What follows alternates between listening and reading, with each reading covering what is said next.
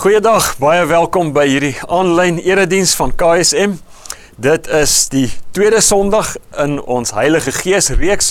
Heilige Gees reeks wat gaan oor aarde, wind en vuur en vandag is ons dan by die windgedeelte van die Heilige Gees reeks. Ons is ook reeds soos julle sekerlik weet al reeds besig met ons in-persoon eredienste van die 9de Mei af reeds en uh, vandag weer is daar in-persoon eredienste by Midstream en by Hippolaan 8uur en 10uur. En dan is dit ook die laaste Sondag waarop ons die 05:30 middag buitelug erediensbelewennisse het. Ek wil ook daarin uitnooi as 'n laaste buitelug erediensbelewenis vandag. Baie welkom ook aan mense wat vir die eerste keer inskakel. Dis heerlik dat julle wil deel wees ook van hierdie geloofsgemeenskap op hierdie aanlyn manier. Kom ons sit so en dan bid ons saam. Hemelse Vader, dankie vir die voorreg wat ons het om vir 'n paar oomblikke stil te wees, vir 'n paar oomblikke te fokus op u woord, op u self en ook op ons eie lewens. Ons wil dit doen, Here, stil word voor u woord, fokus op u woord en op ons lewens met die bewustheid dat u self by ons is. Ons wil in U teenwoordigheid sit, Here. En ons wil hoor wat U sê. Dankie vir U woord wat die waarheid is. Dankie vir die Heilige Gees wat in ons en deur ons wil werk. En ons wil dit ook vandag in nederige afhanklikheid van U vra dat U deur die Gees en deur U woord in ons harte sal werk en in ons lewens sal werk. Dat U U wil aan ons sal bekend maak dat u u woord vir ons sal duidelik maak. Dat u vir ons sal help om nie net intellektuele klomp dinge te verstaan nie, maar om met ons lewens te reageer op die werk wat u deur u gees en deur u woord in ons lewens doen. Ons is van u afhanklik en ons wil hoor wat u sê. In Jesus se naam. Amen. Ek lees 'n baie mooi en baie bekende gedeelte uit Johannes die 3de hoofstuk. Johannes 1 en ag Johannes 3 en ons gaan vanaf vers 1 tot by vers 8 lees. Dis Jesus se gesprek wat hy hier voer met Nikodemus. Daar was 'n man met die naam Nikodemus. Hy het aan die party van die Fariseërs behoort en was 'n lid van die Joodse raad. Eendag het hy na Jesus toe gekom en vir hom gesê: Rabbi, ons weet dat u 'n leermeester is wat van God afgekom het, want niemand kan hierdie wondertekens doen wat u doen as hy as God nie by hom is nie. Daarop sê Jesus vir hom: Dit verseker ek jou. As iemand nie opnuut gebore word nie, kan hy die koninkryk van God nie sien nie. Nikodemus vra toe vir Jesus: Hoekom hoekom hoe kan 'n mens gebore word as hy 'n ou man is. Hy kan tog nie 'n tweede keer in sy moeder se skoot kom en gebore word nie. Jesus het geantwoord: Dit verseker ek jou. As niemand as iemand nie uit water en gees gebore word nie, kan hy nie in die koninkryk van God kom nie. Wat uit die mens gebore word, is mens en wat uit die gees gebore is, is gees. Moenie verbaas wees dat ek vir jou sê wat dat ek vir jou gesê het, julle moet opnuut gebore word nie. Die wind waai waar hy wil. Jy hoor sy geluid, maar jy weet nie waar hy vandaan kom en waar hy heen gaan nie. So gebeur dit met elkeen wat uit die gees gebore is. Een nag en ek het 'n sterk vermoede dis 'n nag waarop die wind nogal gewaai het. Maar een nag terwyl Jerusalem slaap, sluip Nikodemus deur die strate van Jerusalem. En daar's 'n rede waarom hier uh, Nikodemus sluip. Want hy wil nie hê iemand moet weet waarheen hy op pad is nie. En baie meer spesifiek, Nikodemus kan nie bekostig dat iemand weet na wie toe hy op pad is nie. Want hierdie Nikodemus is 'n uh, Joodse raadslid. En en daarom omdat hy op pad is na Jesus toe, is sy reputasie op die spel. Sy loopbaan is op die spel, maar meer as sy loopbaan, eintlik is Nikodemus se toekoms op die spel. Daarom sluip hy in die nag deur die donker strate van Jerusalem op pad na Jesus toe om by Jesus lig te gaan kry. Nou hierdie optrede van Nikodemus het deur die jare eintlik vir hom 'n soort van 'n bynaam verdien. En die bynaam wat Nikodemus gekry het was hy is genoem die nagdisipel. Of 'n ander bynaam wat hy gehad het was die geheime disipel. Want hy sluip in die nag om by Jesus te gaan lig soek. En dan terwyl hulle daar in die donker sit, praat Jesus met Nikodemus. En as hy met Nikodemus praat, dan bring Jesus in die lig wonderlike diep geheimenisse sien die wonderlike woordspeling wat Jesus hiermee besig is, eh, Johannes hiermee besig is as hy praat oor lig en donker. Jesus bring wonderlike geheimenisse, diep geheimenisse vir Nikodemus aan die lig.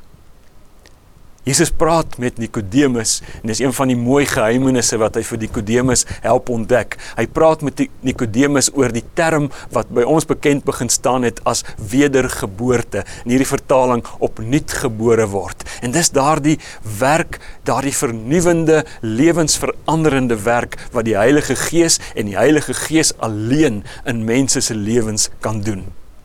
Jesus praat met met Nikodemus oor die vernuwendende en lewensveranderende werk van die Heilige Gees.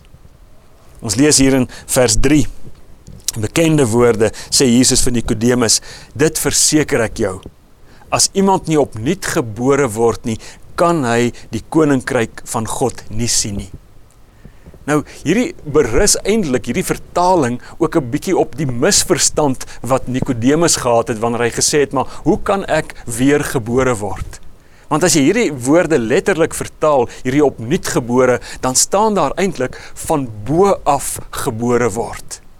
So Jesus sê vir Nikodemus as iemand nie van bo af gebore word nie, kan hy die koninkryk van God nie sien nie. In Johannes 1 vers 13 net so twee hoofstukke vroeër sê sê Jesus dieselfde op 'n ander manier. Hy sê jy moet uit God gebore word. En hier het ons nogal nou die oplossing of die antwoord vir wat Jesus hier sê. Hy sê vir Nikodemus, Nikodemus, jy kan die koninkryk van God net sien as jy van bo af gebore word. Met ander woorde, as jy uit God gebore word. En hoor nou Jesus se mooi logika hier. As iemand uit God gebore word, dan beteken dit God is daardie persoon se vader. En as God jou vader is, dan is jy deel van God se familie. En as jy deel is van God se familie, dan leef jy soos iemand wat deel is van God se familie. En dit is ook die betekenis, dit is belangrik om dit te raak te sien. Dis ook die betekenis van die term ewige lewe. Die ewige lewe is om hier en nou maar vir altyd die lewe te lewe as deel van God se familie met God as Vader. Ewige lewe is om die lewe te leef in die huis van ons goeie liefdevolle Vader nou en vir altyd. As ons die woorde ewige lewe gebruik, dan dink ons die meeste van die tyd meer in terme van tydsduur. En ons sê die ewige lewe is 'n lewe wat wat aanhou vir altyd en altyd en altyd en dis waar en is reg. Maar ewige lewe het ook te maak nie met nie net met kwantiteit nie, maar het baie te maak, net soveel te maak met die kwaliteit van lewe. Ewige lewe is om hier en nou en vir altyd die lewe in God se familie te leef, soos God se kind te leef, soos wat Jesus geleef het, volgens die wat wat God se kind is, soos wat Jesus geleef het, volgens God se standaarde en volgens die waardes en die reëls wat geld in die huisgesin, in die huishouding van ons God, van ons Vader. Ewige lewe is om die lewe nou reeds as deel van die familie van God op God se manier en op Jesus se manier te lewe. Dis die eerste en die belangrike ding wat wat Nikodemus moes hoor en ontdek. Nikodemus deur jou geloof en deur die werk van die Heilige Gees maak God jou deel van sy huisgesin, van sy familie, sodat jy vir altyd nou en vir altyd in die Vader se huis sal lewe. En dan gaan Jesus aan. En in vers 8 sê hy hierdie sê hy hierdie woorde. Hy, hy sê die wind waai waar hy wil. Jy hoor sy geluid maar jy weet nie waar hy vandaan kom nie en jy weet nie waarheen hy gaan nie. So gebeur dit met elkeen wat uit die gees gebore is. Elkeen wat deel is van die huisgesin die familie van God Jesus Jesus besig met 'n pragtige beeld, die beeld van wind. Maar Jesus is ook en dis net vir die mooi om dit raak te sien. Jesus is ook besig om hier met woordspeling te werk. Die woord wind is die Griekse woord pneuma en dan wanneer hy Jesus na die Gees verwys, gebruik hy dieselfde woord pneumatos. En daardeur sê hy die Gees van God werk in die lewens van mense soos wind. Natuurlik sê Jesus nie daarmee dat die wind, dat die Gees 'n 'n krag, 'n onpersoonlike krag of mag is nie. Nee, die Gees is die derde persoon van die drie eenheid. Hy's 'n persoonlike God maar hy werk in die lewens van mense soos so kragtig soos 'n wind wat waai. En dit weet ons mos en Jesus sê dit ook hier, die wind kan kan baie dinge kan ons mee baie dinge doen. Ons kan die wind se rigting bepaal vandag. Ons kan die wind ons kan die wind se uitwerking sien as ons sien hoe bome buig en waai, hoe golwe aangejaag word. Ons ons kan die die klomp dinge van die wind weet en verstaan. Maar iets wat ons nie met die wind kan doen nie, is ons kan die wind nie beheer nie. En dis wat Jesus hier vir Nikodemus en vir jou en vir my help ontdek. En dit is dat wanneer die Gees in die lewens van mense werk, kan jy dit raak sien. Jy kan dit waarneem. Jy jy jy, jy sien die effek daarvan, maar jy kan dit nie keer nie en jy kan dit nie beheer nie en jy kan die Gees nie manipuleer nie. Die Gees waai soos 'n kragtige wind deur die lewens van mense en in die lewens van mense en dis onbeheerbaar en onmanipuleerbaar. Party mense probeer dit. Party party mense probeer die Gees manipuleer sodat die fokus op 'n manier op hulle val, maar maar wat Jesus hier sê is die Gees laat hom nie manipuleer nie. En ons sien dit so pragtig hoe die Gees kragtig, stormsterk te gewaai het deur die geskiedenis en in die lewe van die vroeë kerk. Handelinge vertel die storie van hoe die Gees die kerk in beweging gebring het en hoe die kerk onstuitbaar voortgegaan het daar in die in die moeilikste omstandighede en die goeie nuus van Jesus as koning, Jesus as verlosser en koning tot aan die uithoeke van die aarde gaan vertel het met hulle lewens gaan deel het dat Jesus koning is. En ons sien hoe die Gees kragtig veranderend, transformerend gewaai het in die lewens van gewone mense. Gewone, eenvoudige, ongeletterde mense in partyds omstandighede, die Gees so in hulle lewe gewaai dat hulle kragtige, onverskrokke, onstuitbare getuies van die waarheid was onstuitbare getuienis dat Jesus die koning is. Die Gees waai waar hy wil.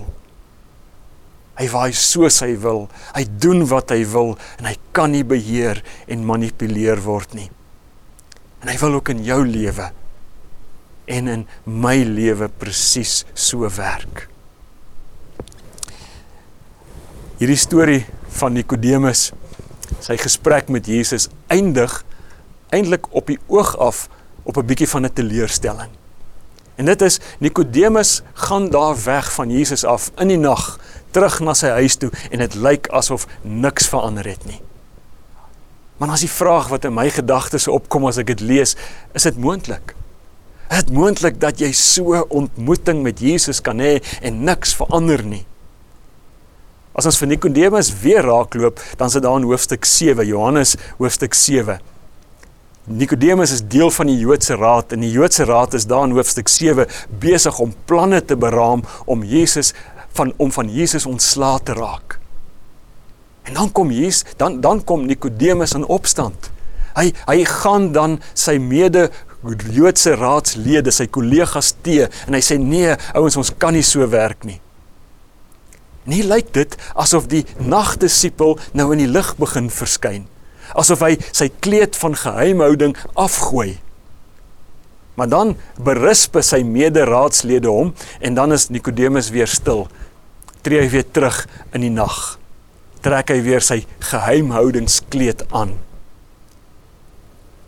En as ons vir Nikodemus die laaste keer raakloop in Johannes se evangelie, is dit daar in hoofstuk 19.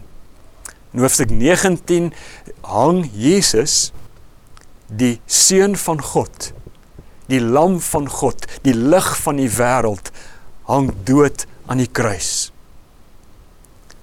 En aan die voet van die kruis staan daar twee manne. Josef van Arimatea, ook 'n geheime volgeling van Jesus, en Nikodemus, die nagdisipel, die geheime volgeling van Jesus. En dan gebeur daar 'n wonderlike ding wat ons partykeer sommer net kan miskyk. Wat daar gebeur is, is hierdie twee geheime disippels, onder andere Nikodemus, hulle aanvaar verantwoordelikheid vir Jesus se begrafnis. Nou wat wat wil Johannes vir ons daardeur sê? Onthou, in daardie tyd en ja, vandag nog, is dit die verantwoordelikheid van 'n familie om die liggaam van hulle geliefdes te versorg en te gaan begrawe. En hier tree Nikodemus nou in die lig. Hier hier kom hy en hy neem verantwoordelikheid vir Jesus se begrafnis. Waarmee hy sê ek is en hier's die hier's die wonder van hierdie gedeelte. Ek is deel van God se familie. Ek is ek is nou deel van hierdie huisgesin van God. Die gees van God het lewensveranderend in my lewe gewaai. Die gees van God het my nuut gemaak. Die gees van God het my 'n kind van die Vader gemaak. My lewe het verander. Aan die voet van die kruis tree Nikodemus uit die donker uit en hy kom staan openlik by Jesus. Daar aan die voet van die kruis besef Nikodemus ek kan nie ek kan nie die Here meer volg. Ek kan nie my Here meer volg met 'n halwe hart nie. So 'n offer sulke liefde verdien my hele hart en verdien my hele lewe. Aan die voet van die kruis tree Nikodemus eens en vir altyd uit die donker uit. Aan die voet van die kruis gooi hy eens en vir altyd die kleed van geheimhouding af en hy kom en hy kom identifiseer hom met Jesus, sy Here. Hy kom hy kom tree openlik op as 'n volgeling van Jesus, as 'n lid van God se familie. Iemand sê ernstig as hy praat oor Christene sê hy Christene het 'n baie mooi belydenis, die meeste Christene. Maar dit lyk vir hom sê hy asof baie Christene in die praktyk eintlik praktiserende ateïste is. Hulle praat die mooi taal, maar maar in die praktyk is hulle praktiserende ateïste. En ek dink wat hy daarmee bedoel is dat ons ons assosieer met Jesus en met die Christelike geloof. Maar in die praktyk laat ons nie toe dat Jesus deur sy woord en deur sy gees ons gesindheid en ons houding, ons prioriteite en ons gedrag bepaal nie. In daardie opsig leef ons soos al die ander mense, al glo ons op 'n sekere manier. Ons laat nie toe dat Jesus deur sy gees ons gedrag en ons lewens bepaal nie. En dis 'n hartseer plek. Want dis eintlik niks anders hierdie wat ek nou beskryf het as 'n geheime volgeling van Jesus nie, as 'n disipel van die nag nie. Ek dink is ek glo dis nodig dat ek en jy na ons eie lewens kyk en vir ons vra, vir onsself afvra dat jy dit vandag doen. Vandag vir jouself afvra. Volg ek Jesus openlik? Het ek het ek al uit die donkerheid getree en begin ek in die lig wandel. Volg ek Jesus op so 'n manier dat dat my deel wees van die geloofsfamilie van God my hele lewe bepaal. Leef ek nou die ewige lewe? Want ek wil vir jou sê en ek wil dit regtig met deernis sê. Die wêreld het nie nog een geheime volgeling nodig nie.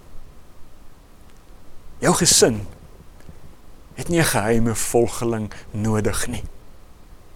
Die gemeenskap waarin jy jou elke dag bevind, by die werk waar jy bly of waar jy beweeg, het nie nog een geheime volgeling nodig nie. Die Here weet daar's genoeg geheime volgelinge. Daarom wil ek vandag by jou pleit. Maak soos Nikodemus. Kyk op en sien die kruis. sien die offer. sien die liefde. Dit was vir jou. Glo dit. Glo dit. Daardie offer en daardie liefde aan die kruis was vir jou. Aanvaar dit. Dit was vir jou. En gee dan oor. Gee jou lewe oor aan die kragtige werk van die Heilige Gees. Laat toe dat dat God se Heilige Gees stormsterkte deur jou lewe waai. Veranderend, vernuwend, inspirerend, bemagtigend. Gee oor sodat God se Gees kan doen wat net God se Gees kan doen. Amen.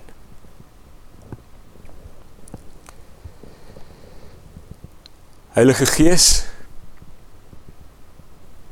vir elkeen van ons wat vandag na na u woord geluister het is hierdie 'n geweldige groot oomblik.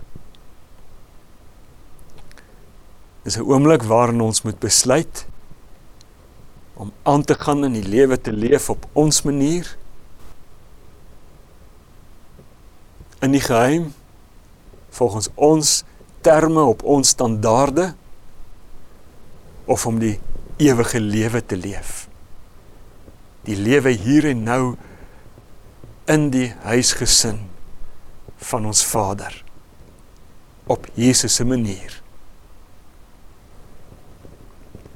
En Vader, Heilige Gees, Here Jesus, Ons kies vandag oorgee. Ons kies om oor te gee aan u Heilige Gees sodat u in ons lewe kan kom doen wat net u kan en wat net u en wat u wil. Hier is my lewe. Kom waai deur my.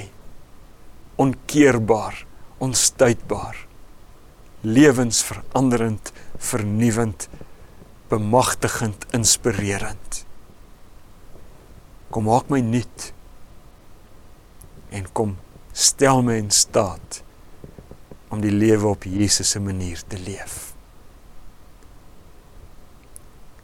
Heilige Gees gebruik ons lewens om u koninkryk, die koninkryk van ons Here Jesus te vestig hier op aarde soos in die hemel. Amen.